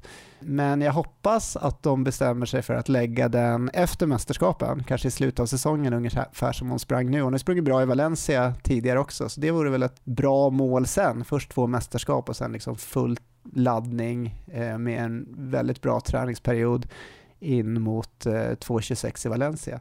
Så så hoppas jag att eh, säsongen kommer läggas upp där, men eh, det blir spännande att följa. En annan som blir spännande att följa är Mikaela Big Mike Bergman, vår adept som vi ska träna mot Adidas Stockholm Marathon den 4 juni. Än så länge siktar vi på att eh, Mikaela ska nå under 3.30 i hennes maratondebut och det är ju faktiskt mycket snabbare än vad Hanna Lindholm sprang maran på första gången. Eh, på vägen fram mot Stockholm Marathon ska Mikaela även springa premiärmilen den 26 mars och premiärhalvan den 23 april Båda de här loppen avgörs i Stockholm och eh, premiärmilen är faktiskt det enda milloppet som är sidningsgrundande för Stockholm Marathon. Så springer man bra där kan man få starta längre fram på maran. Och på måndag höjs startavgiften till premiärmilen så gå in och anmäl er senast nu på söndag den 20 februari för att spara en peng. Men nu ska vi alltså snart få höra hur det har gått för vår adept under första veckan mot den här maran. Och jag tycker Erik att det har uh, sett rätt bra ut den här första veckan. Hon kom ju från en covidvecka precis som du. Just Men, det. Uh, nu har ju satt alla passen som det ser ut i alla fall. Vad tycker du av det du har sett på Strava Erik? Ja, men jag var inne och kollade lite på Strava som sagt och eh, det ser ju väldigt bra ut. Ehm, hon verkar ju inte tycka att eh, kvalitetspassen är jättejobbiga även om hon för hon skattar dem ju ganska lågt på Borg får man ju säga. Men vi får väl se, det kanske är ovana också att skatta skatta Borgskalan där. Så det ska bli mm. väldigt spännande att höra hur hon har upplevt den här första veckan och uh, om hon kommer fortsätta eller om det blir ett avhopp direkt. ja, men det får vi höra nu. Ja, men då har vi ringt upp eh, Mikaela Bergman, Big Mike. Eh, hur är läget Mikaela? Det är bra med mig. Första veckan avklarad. Ja, vad härligt. Första veckan, första första veckan blev du ju sjuk. Men sen har du faktiskt tränat den veckan som vi gav dig sist eh, och eh, du har kunnat köra alla pass har jag sett på både Strava och Garmin Connect. Eh, översiktligt, hur har det känts? Det har känts väldigt bra tycker jag. Ni kallade ju det här lite för mjukstart. Ehm, men det kanske inte känns som en mjukstart, men det har gått bra. Jag har ändå lyckats göra alla passen som, som det var tänkt. Och det är söndag idag och du är i alla fall inte helt förstörd. Du är ändå sugen på att träna nästa vecka, eller? Det är jag. Ni, har ju, ni gav ju mig tre, eller, eller i alla fall två vilodagar. Eh, och idag är en, så att jag hinner nog bli pepp inför imorgon. Ja men jättebra. Vi eh, gav ju det, vi kan dra det bara lite översiktligt, sen kan vi gå in på de olika passen tycker jag. Och sen har ju du skickat lite frågor här under tiden. Och eh, jag har tänkt på några grejer när jag har kollat igenom träningen så här, så tänker jag att det blir nog jättepedagogiskt att prata om lite så här saker som du har undrat över. Jag tror att det är många som kommer känna igen sig. Och jag känner igen mig väldigt mycket, alltså mitt eh, mitt jag från kanske några år tillbaks i tiden känner igen mig jättemycket på, på några av de här frågorna. Och med det sagt inte att jag har på något sätt blivit någon fullärd löpare eller så, utan jag funderar på mycket saker hela tiden. Men, det, men jag känner igen mig, så det blir kul tror jag. Men du hade ju i alla fall eh, sex gånger en kilometer på måndagen mm. och sen hade du styrketräning på tisdagen, en distans på 8 kilometer som jag tror blev 10 kilometer på onsdagen. Yes. 4 gånger 2 kilometer på torsdagen. Ja. Vila fredag, långpass lördag som jag tror var, det blev i alla fall 21 kilometer och sen vila idag på söndagen. Ja. Så det var den här första veckan. Om vi då, eller tanken med det var ju att eh, du skulle ha lite snabbare intervaller då på, på måndagen och så lite lite längre intervaller på, på torsdagen och sen bara direkt påbörja med med långpass och då hade du sprungit eh, runt 20 hyfsat nyligen. Så då mm. tänkte vi att du skulle springa 2021 igen. Men måndagen där då, då var det 6 gånger 1 kilometer. Lite oklart vilken fart du skulle få hålla för vi vet ju inte riktigt vad din milfart är. Vi visste ju att du hade sprungit halvmaraton på 4.53 fart. Ja. Och vi tänker ju då att eh, normalt sett då kanske att din milfart skulle kunna vara runt 4.40 men sen har väl både jag och Erik misstankar om att du är lite snabbare kanske då eh, än så. Och det visar sig lite på det där passet. Eh, berätta lite om hur du upplevde 6 gånger 1 km med en minuts ståvila. Nej men jag vet inte själv riktigt vad min fart är, alltså vart jag ska lägga mig på de här. Eh, men jag började någonstans på halvmarafarten lite under. Ja, eh, och det. det kändes ju lätt. Men jag tror att det känns lätt för att man får den här en minuters eh, vilan mellan. Då hinner man ju mm. verkligen ändå stå och pusta ut lite. Eh, men eh, ja, jag, jag, tror ändå att hela det passet kändes ganska lätt. Eh, och jag körde mellan 4.46 till 4.30. Ja, men det såg ju väldigt bra ut och det var bra också tycker jag att vi la det progressivt ändå eftersom det är bättre att börja lite för långsamt och sen kunna öka upp och, och, avsluta bra. Dels för att det är ett skönt sätt att utföra pass. Men det är skönt också, det är lite så man kanske vill springa ett millopp också. Mm. Eh, att, man vill, eh, att man vill känna sig stark ändå hyfsat på slutet.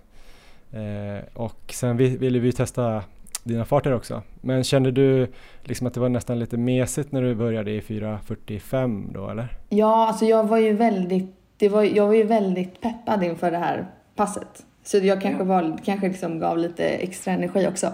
Men eh, jag tyckte nog att det var... Eller ja, det beror lite på hur jobbigt det skulle kännas. Det visste jag inte heller. Men de första var lätt. Jag hade nog kunnat springa lite snabbare. Och fortfarande kanske haft en snabbare fart på slutet ändå. Ja, men jag tänker, eller vi tänkte att det där passet ska ju vara lite kanske då kopplat till milfarten och sen att man kanske bygger upp det så att man springer fler intervaller. Eh, så kanske mellan 8 och 10 typ. Eh, eventuellt du kommer hinna innan premiärmilen du ska springa i slutet av mars. I alla fall upp mot 8-9 då och i din tänkta milfart eh, som vi inte riktigt vet exakt då. Vi snackade ju om det i förra avsnittet, det kan vi säga direkt. Då pratade vi om lite målsättningar. Vi har ju sagt 3.30 på maran 4 juni, Stockholm Marathon. Och sen hade ju du två målsättningar. Jag tror att du sa 43 på milen mm. och 1.35 på halvmaraton. Och i efterhand, och, vad tänker man då? Ehm, jag vet inte om det är helt eh, realistiskt. Nej, vi kommenterar ju inte det så mycket. Vi sa väl bara att det låter ju bra. Smalt mål, det är inte omöjligt. Jag tror jag tänkte då så här, jag tror att du kommer klara att springa på 43. I alla fall under året, kanske till och med innan sommaren. Men sen kom jag på att det är ju bara några veckor kvar till premiärmilen. Så man vågar inte lova någonting. Och 43 på milen är ju ganska mycket mycket bättre än 3.30 på maraton om man är tränad för en maraton. Så det ska man ju komma ihåg till alla som, eh, jag tror kanske att man skulle behöva göra 45 ungefär, kanske 1.40 på halvmaran och sen 3.30 på, på maran. Det hänger ganska bra ihop skulle jag säga, mellan tummen och pekfingret. Sen om man är mer uthållig så kanske man kan springa ännu saktare på milen och ändå klara 3.30. Är man mer liksom snabb men kanske inte har gjort så mycket långa lopp och långpass typ som jag och kanske du eftersom inte du har kört så mycket mer än 21 på långpassen så kanske man behöver lite mer, vad ska man säga, marginal från farten till, alltså mellan 10 kilometer och uh, maran. Så uh, det var därför vi tänkte att 43 kanske är rimligt, om någon nu hickade till där hemma. Men jag, jag tänker mig det här passet, uh, nästa gång vi gör det så kommer du kanske få börja lägga dig snarare i 4.35 mm. eller kanske 4.30 och sen kanske att man antingen sänker vilan lite eller eh, man kan göra på olika sätt för att göra det hårdare. En sak, ett sätt är att öka farten såklart, det är ju kanske mest naturligt. Eller så ökar man antalet intervaller. Eller så sänker man vilan. Eller så ja, förlänger man varje intervall och sådär. Ja. Så det går att göra på olika sätt. Men vi tänker nog framförallt att vi kommer vilja öka volymen både på olika pass men också då totalt i veckan. Men det var ju ett smart första pass. För det var ju väldigt roligt. Alltså det är ju en rolig känsla att känna att man har energi. Men sen om du skulle köra 6 gånger 1 kilometer ännu fortare, då kanske det skulle mer vara eh, typ 5 kilometers träning. Så just det där 6 gånger 1 kan man ju klara ganska bra om man har en minuts vila, om man är väldigt snabb löpare. Men sen kanske det blir jobbigare för dig att göra så 10 gånger 1000 i 4.35. Det tror jag. Det får vi se. Men en sak jag tänkte på där, som mm. vi kanske ska snacka lite om, som du också frågade om, det var det här med uppvärmning och nedjogg. Eller i alla fall uppvärmning pratade vi om lite grann. För du sprang bara kanske en kilometer och sen dunkade du på sex gånger en. Ja, jag missade den lite. men jag tror inte vi snackade om det sist. Men det, det var ju bara ett tips där. Kanske i alla fall kanske jogga igång ungefär 10 minuter, 10 till 15 minuter. Mm. 10 minuter är ganska skönt att jogga igång, bara bli hyfsat varm och, och komma in i, i det och få bort lite jobbstress eller vad man nu kan ha. Och sen lite rörlighet eventuellt och kanske några så här löpskolningsövningar. Det har vi inte gått igenom heller men det kanske vi kan göra när jag kommer hem från Kina. Och så kanske man kan eh, sen köra fem minuter lite progressivt eh, från distansfart upp mot kanske marafart eller lite snabbare. Och sen tycker jag att man brukar vara ganska redo och det tror jag att eh, många känner nog det att man kommer känna sig lite bättre då på första risken om man bara startar sådär direkt eh, är ju att man kanske bränner sig lite på första och drar på sig lite för mycket mjölksyra direkt och sen kommer det bli jobbigt hela passet egentligen. Ja, jag fick ju det tipset där under veckan så jag försökte göra det där på nästa pass. Jättebra första pass. Sen körde du styrka där på tisdagen. Ja, och det var ju katastrof. Varför då? Nej, men det, jag gjorde ju den här klassiken att jag inte har varit på gymmet på väldigt lång tid och eh, värmer upp kanske, kanske lite slarvigt då. Inte riktigt lärt mig från måndagen och sen kör marklyft. Och sen mm. får jag ju ja. stå för det resten av veckan eftersom att jag hade en rygg som... Det var länge sedan jag hade så mycket träningsverk i ryggen faktiskt. Var det ländryggen eller? Ja. Ja men marklyft är ju lite lurigt på så sätt om man går in och inte gjort det på ett tag. Det kan sätta riktigt bra träningsverk. Men det var rätt tänkt ändå. Alltså det kommer ju, det kommer ju bli bättre. Ja, jag tänker att man måste väl bränna av det där första. Sen kanske man inte får lika mycket träningsverk förhoppningsvis. Nej, vi får försöka hålla uppe det. Att du kör kanske ett pass eh, marklyft i veckan då. Så kanske du kommer slippa det där. Sen kanske man inte behöver gå max max sen. Nej. Men det där kommer du känna och hitta tror jag. Sen var det ju distans på onsdag. Jag tror mm. du hade sagt 8 kilometer men eftersom det är 10 kilometer runt söder så sprang du 10 kilometer.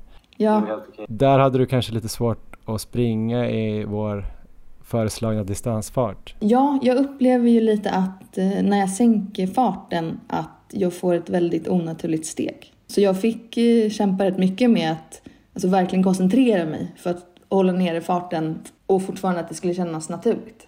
Så då tror jag att när man kommer in i det så råkade det kanske gå lite för fort vissa kilometrar. Det är lite så här humble brag, att man har så svårt att springa långsamt. Så brukar jag också känna ju. Jag fick ju tipset att eh, öka frekvensen. För att jag, nu när jag Ja. springer långsammare så ser det ut som att det går i slow motion. För att varje steg tar väldigt lång tid. Eh, och det är väl fel, som jag har förstått. Ja, alltså ingenting är fel Mikaela, ska vi säga direkt. Man får göra precis som man vill. Och vi kan inte säga vad, vissa saker funkar ju bra för vissa löpare och inte för andra. Men en sak som man kanske ofta ser när man sänker farten, speciellt om man som du då kanske är lite, nu vet ju inte vi det här, men att du är lite spänstig och snabb. Kanske liknar då med mig när du springer en Erik till exempel. Om man har lyssnat på den här podden Eh, så vet man ju att jag brukar också gnälla på att eh, jag inte kan springa eh, långsamt riktigt för att det känns jätte, jättekonstigt. Och vi hade ju ett avsnitt som, där vi pratade bara om distansfart och då hade vi med den här löpteknikcoachen eller löpteknikspecialisten Fredrik Silén. Och han tipsade ju om att få upp eh, frekvensen på de här eh, lite långsammare distansrundorna, försöka springa med sitt vanliga steg men tona ner hela rörelseomfånget. Ja, det är ju lättare sagt än gjort tycker jag. Men jag såg faktiskt, jag kollade in på när du sprang då 5.20 fart, vad du hade för frekvens. Och då såg jag att du låg runt så här 100, 165 till 168. Och sen när du sprang den här 4.30 farten, som kanske är din milfart just nu, då låg det upp mot 177. Och eh, man brukar ju ibland säga då, om man googlar frekvenslöpning på internet så säger många att man ska ligga 180, att det är någon sorts optimal frekvens Alltså Okej. 180 steg i minuten. Men eh, det är också med en nypa salt. Eh, Erik till exempel ligger ju nog snarare runt 190. Och Mm. det behöver inte vara fel och eh, vissa kanske ligger ner mot 175 kanske. Börjar man komma ner långt under 170 då känner jag också att det kanske blir det här lite tunga styrkespänsthoppandet lite grann. Man ser ju det ibland på folk som, Ja, ja, som jag är, nog lite mer sån. nybörjare. Ja, Man kan tänka på det liksom kanske under delar av passen och försöka räkna varje minut. Man kan ju räkna vänsterstegen då och så får du ihop eh, 85 steg med vänstern. Då har du 170 då på en minut. Eller så kan man ju lyssna på musik som har en viss takt. Om man är riktigt överkurs så kan man ju ha en sån här metronom eller vad det heter på mobilen. Så kan man sätta in den på typ, du kanske inte behöver sätta den på 180 direkt men du kan sätta den på 174 typ. Och så försöker du kanske, nu ska jag springa i 10 minuter med 174. Det kanske kan vara bra att få upp frekvensen lite grann. Sen behöver man ju inte, alltså vissa tänker inte alls på det här. Men jag tror du kommer få lite bättre känsla när du springer lite långsammare. ja.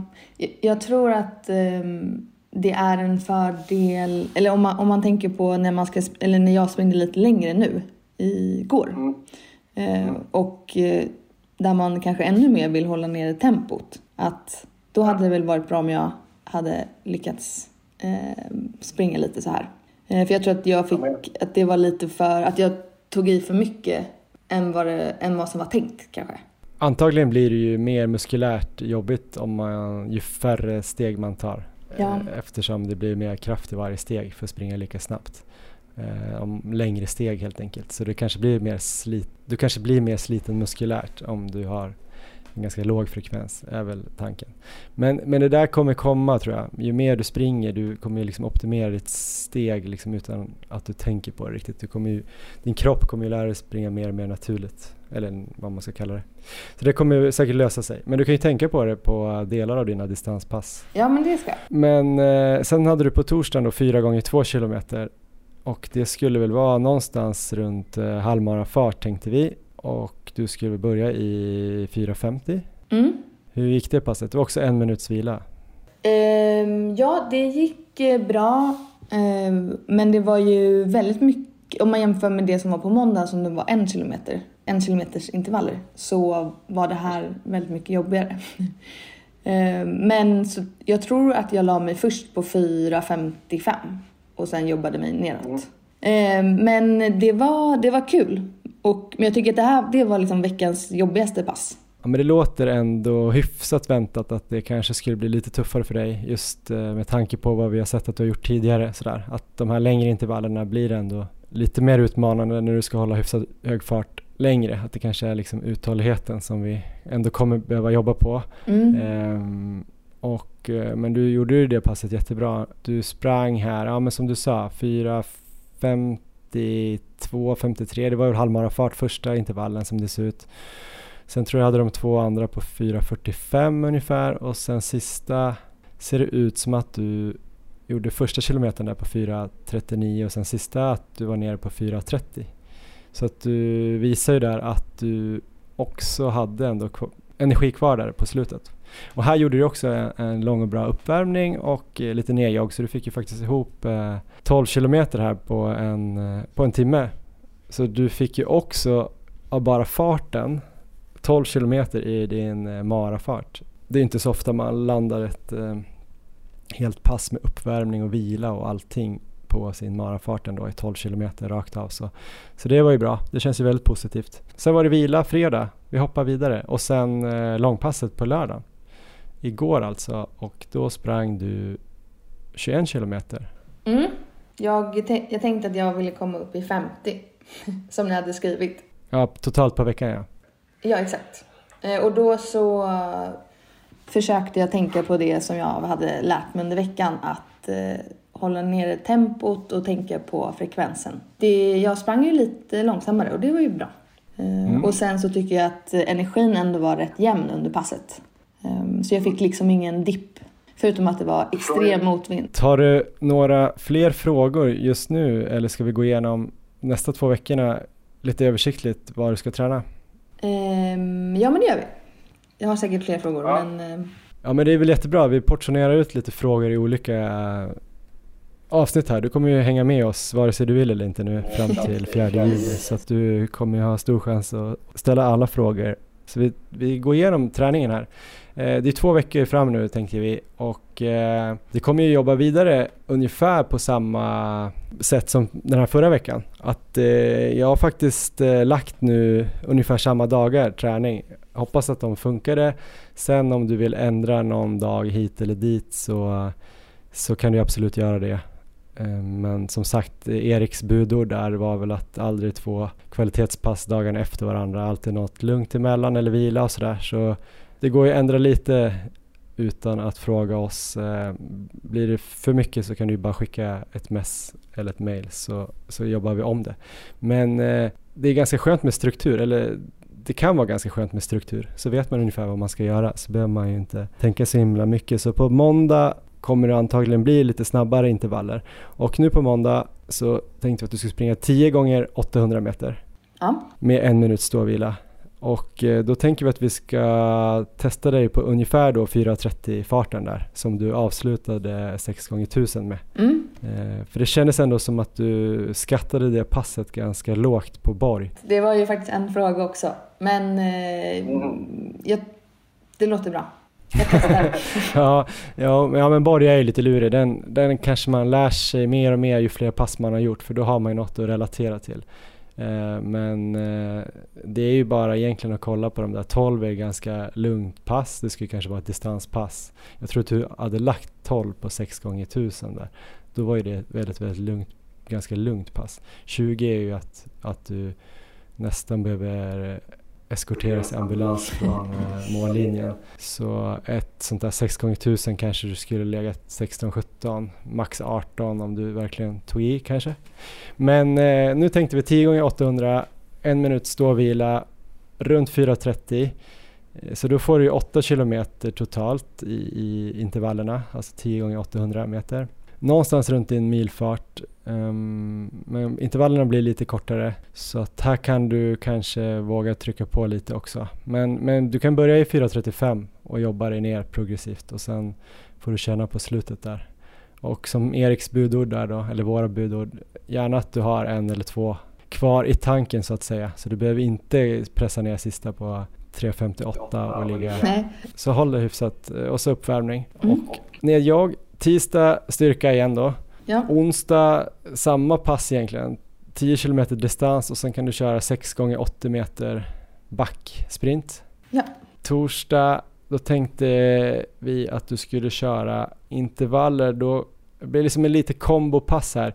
Du ska köra två gånger tre plus en och en halv kilometer. Så att du kör eh, tre kilometer i ungefär då 4.45. Ja, Vila 45 sekunder. yes. Eh, så hyfsat kort vila efter de tre kilometerna och sen en kilometer i 4.35. Och sen efter den eh, 3 plus 1,5 kilometer så vilar du 90 sekunder mellan de två sätten då som man kallar det. Och sen kör du en, en gång till då, 3 kilometer, 45 sekunders vila och sen en och en halv kilometer. Så då blir det ungefär eh, totalt eh, 9 kilometer på de där intervallerna. Någonstans att du kör treorna i halvmarafart ungefär och en och en halvorna någonstans runt milfart eller tröskelfart om, det nu, om vi nu har prickat rätt. Det här kommer vi lära oss ännu mer om hela tiden. Ja, ja men det låter eh, tufft. Ja, men jag tror du kommer fixa det. Och sen fredagen där, eh, där kan du helvila om du vill. Känner du att du eh, tycker det är skönt att röra på dig lite så gärna typ en halvtimme alternativ träning fast då lite mer återhämtningsfokus. Så kanske cykel eller crosstrainer eller någonting. Ganska lugnt en halvtimme bara för att eh, ja, typ aktiv återhämtning, kanske lite rörlighet och core. Mm. Men du får också helvila om du känner dig riktigt sliten eller inte har tid eller så. Lördag, lugnt långpass igen, men den här gången så får du springa 23 kilometer. Så vi ökar upp här, så det blir väl kanske distansrekord för dig. Eh, Ja. Det blir kul. Faktiskt. Söndag vila igen och sen då veckan efter där då så har vi på måndagen, då kommer du få ett pass som eh, det blir en utmaning, kanske inte att du inte kommer klara det liksom eh, fysiskt sett, men det är en, ett pass som man brukar ha ganska svårt med ibland i början. Eh, alltså mer att hålla liksom hyfsade farter på liksom. Men det är 20, 20 gånger en plus en minut Mhm. fartlek. Så du springer en snabb minut och sen en lugn minut. Okej. Och så gör du det 20 gånger så det blir ändå 40 minuter löpning rakt av. Ja, Så det är ett halvhårt pass. ja. Vad är, vad är en snabb minut då? Ja men den snabba minuten kanske är ner, kanske i början kan den vara alltså 10 kilometers fart kanske plus 5 sekunder. Så tänk er 4.35 och sen kanske den i mitten är 4.30 och sen kanske mot slutet att den är 4.25 om det känns bra eller så ligger du kvar på 4.30. Och sen den lugna minuten är snarare hyfsat, eh, den här gången kommer det bli ungefär distansfarten som har- tycker att du borde ligga på, typ 5.20. Så här blir utmaningen att du kommer få 40 minuter kontinuerlig löpning. Ja, Att du kommer inte få den här ståvilan. Så då kommer det kanske bli lite mer utmanande. Om du känner att det är väldigt hårt så får du eh, dela upp det i två set. Så att du kör 10 gånger en plus en minut. ja okej. Och sen kan du vila kanske två minuter setvila. Och sen kör du 10 gånger en plus en minut till. Okej, ja. Men det kommer väl, antingen kommer kännas väldigt, väldigt ryckigt och att du bara kommer känna så här att åh, jag kollar på klockan hela tiden. Eller så kommer du få till det att det känns ganska flödande, att du, du ökar upp liksom en minut och sen så behaglig löpning en minut liksom. ja. Men eh, behöver inte känna att du måste sätta exakt varenda minut perfekt. Du får prova. Ja. Sen återigen tisdag kommer ju bli din styrkedag här ser vi redan nu. Onsdag distans. Mm. Sen den nästa torsdag då, eh, om tio dagar, två gånger fyra kilometer. Så då blir det ganska långa intervaller. Mm. Och eh, om det har gått bra här nu den här torsdagen så tänker vi att du kommer kunna göra dem runt 4.45 i alla fall den första fyran. Ja. Och sen den andra kanske ner mot 4.40 hoppas vi. Och eh, det du ska få testa då är också att du joggvilar mellan de två så att du inte stannar utan du springer kanske 5.30 i två minuter mellan de där två fyra kilometerna. Mm. Det kommer också öka liksom svårighetsgraden just att du inte riktigt kommer ner i kanske mjölksyra och, och laktat eller mjölksyra och puls under vilan att du står still utan att du måste ändå springa på lite grann. Så det kommer Ja. utmana kroppen lite mer. Samma där fredag, alternativt 30 minuter plus rörlighet och core om du om du känner för det, känner du dig sliten så vila där. Och sen eh, kommer den lördagen så kommer det bli lite utmanande där då. Om allt har känts bra, då kommer du få springa 25 kilometer. Lugnt långpass. Ja. Hur känns det? Jo, det känns bra. Det, det, nu är det inga såna här snälla veckor. Det var första. Men som sagt, vi får ju justera det här så fort du känner att det blev, om det blir lite mycket eller att du känner dig sliten. Så hojta. Men jag tror att du kommer klara av det. Det blir en liten ökning i, i mängd. Jag tror att den här första veckan kommer ju vara lite beroende på uppvärmning och nedjogg och sådär men eh, någonstans runt eh, 55-56. Så det blir väl en eh, sån här ja, 5 kilometer mer än den här veckan. Och sen veckan efter blir väl ungefär samma. Det kanske blir någon liten kilometer till eftersom långpasset blir längre. Mm. Ja, men det... mm, Vi kör. Vi kör på det. Härligt! Och den veckan kanske vi kan köra något pass ihop. Vi får se. Det är väl då jag kommer hem tänker jag. Så att eh, vi kanske kan få till något där. Eh, så kan jag höra dig. Får du eh, säga till när jag tar för långa steg. Sånt. Ja just det. Ja, men jättebra Mikaela. Har du några frågor innan vi eh, går vidare här i avsnittet?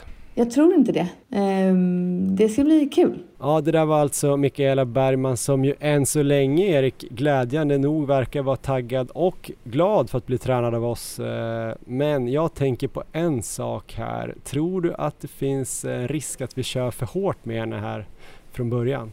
Ja, men risken finns ju alltid. Man kan ju bli lite så avtrubbad. Vi har ju kört eh, den här podden i ganska många år nu och eh, vi är ju vana att träna eh, ganska stora mängder får man ju säga ändå. Så eh, vi får väl hoppas här att vi ändå lyckas anpassa eh, Mikaelas träning till eh, den bakgrunden hon har. Men det tror jag väl vi ska göra och blir det då så att vi känner att det blir alldeles för hårt så får vi lägga in en lite lugnare vecka sen. Det är ju bra här att vi får prata med henne varje vecka så att vi får den feedbacken och kan anpassa schemat sen efter det. Mm, vi kommer ju ha ett snack med henne i varje avsnitt så varannan vecka i alla fall eh, pratar vi med henne men vi har ju löpande kontakt såklart. Haha, löpande kontakt. Skitkul. Eh, Snyggt. Well Nej played. men eh, vi har ju kontakt med henne eh, kontinuerligt här också så att eh, hon får ju också, hon har lovat att eh, flagga för om hon känner sig sliten eller blir för mycket så får vi väl ta bort något pass eller dra ner lite volym och sådär och eh, de här långpassen nu höjde vi upp eh, två kilometer per vecka här framöver och eh, ja, har man aldrig sprungit längre än 21 så kanske det är jobbigt att springa 21 och så nästa vecka 23 och sen 25. Vi får väl se hur hon eh, tacklar det men hon ska ju hålla lugn fart på de där passen i alla fall. Själv då Erik, du håller ju också lugn fart på dina pass eh, 21, 23 och 25 kilometer. Det är väl vanliga dista för dig nu för tiden?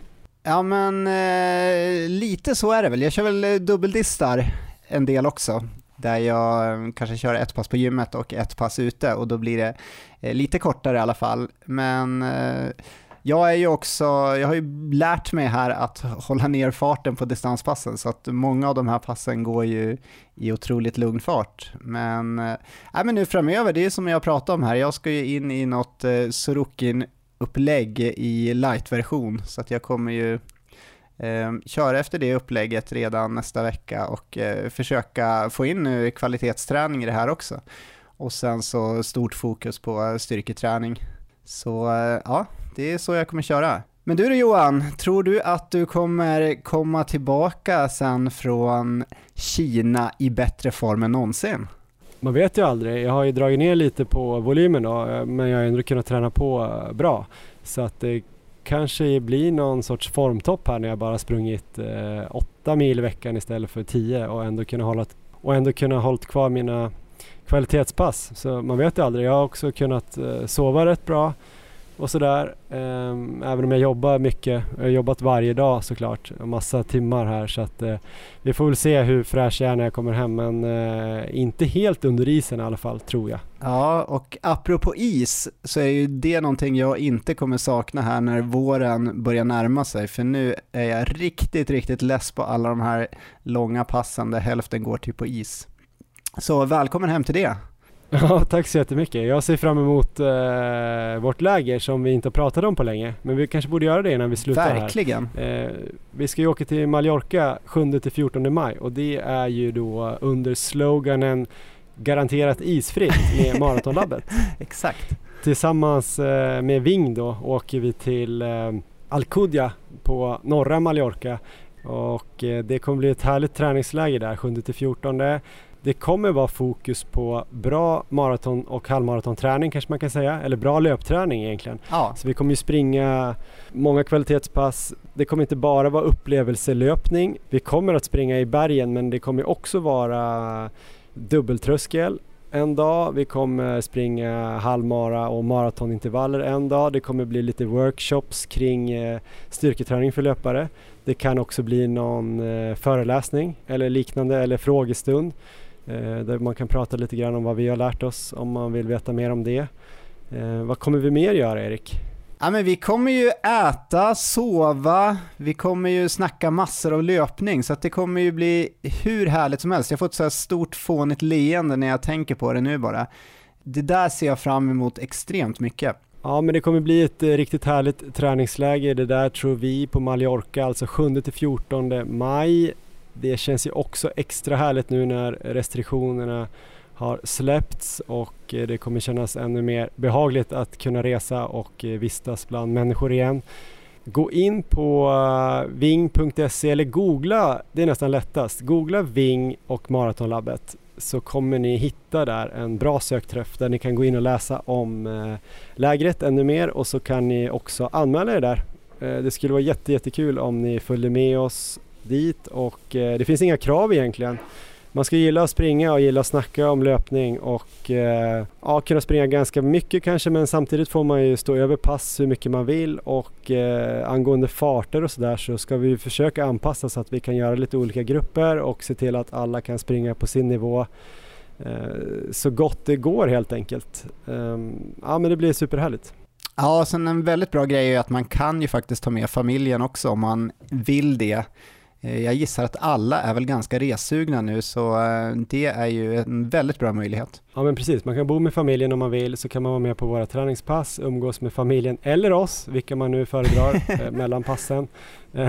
Och det kommer gå att lösa på bra sätt. Sen vill man stå över ett pass och åka in till Palma en förmiddag eller något så löser vi såklart det. Det kommer säkert vara någon ledig kväll också för de som vill göra någonting annat. Eh, det går att göra massvis av grejer där. Det är bra gym på det där hotellet.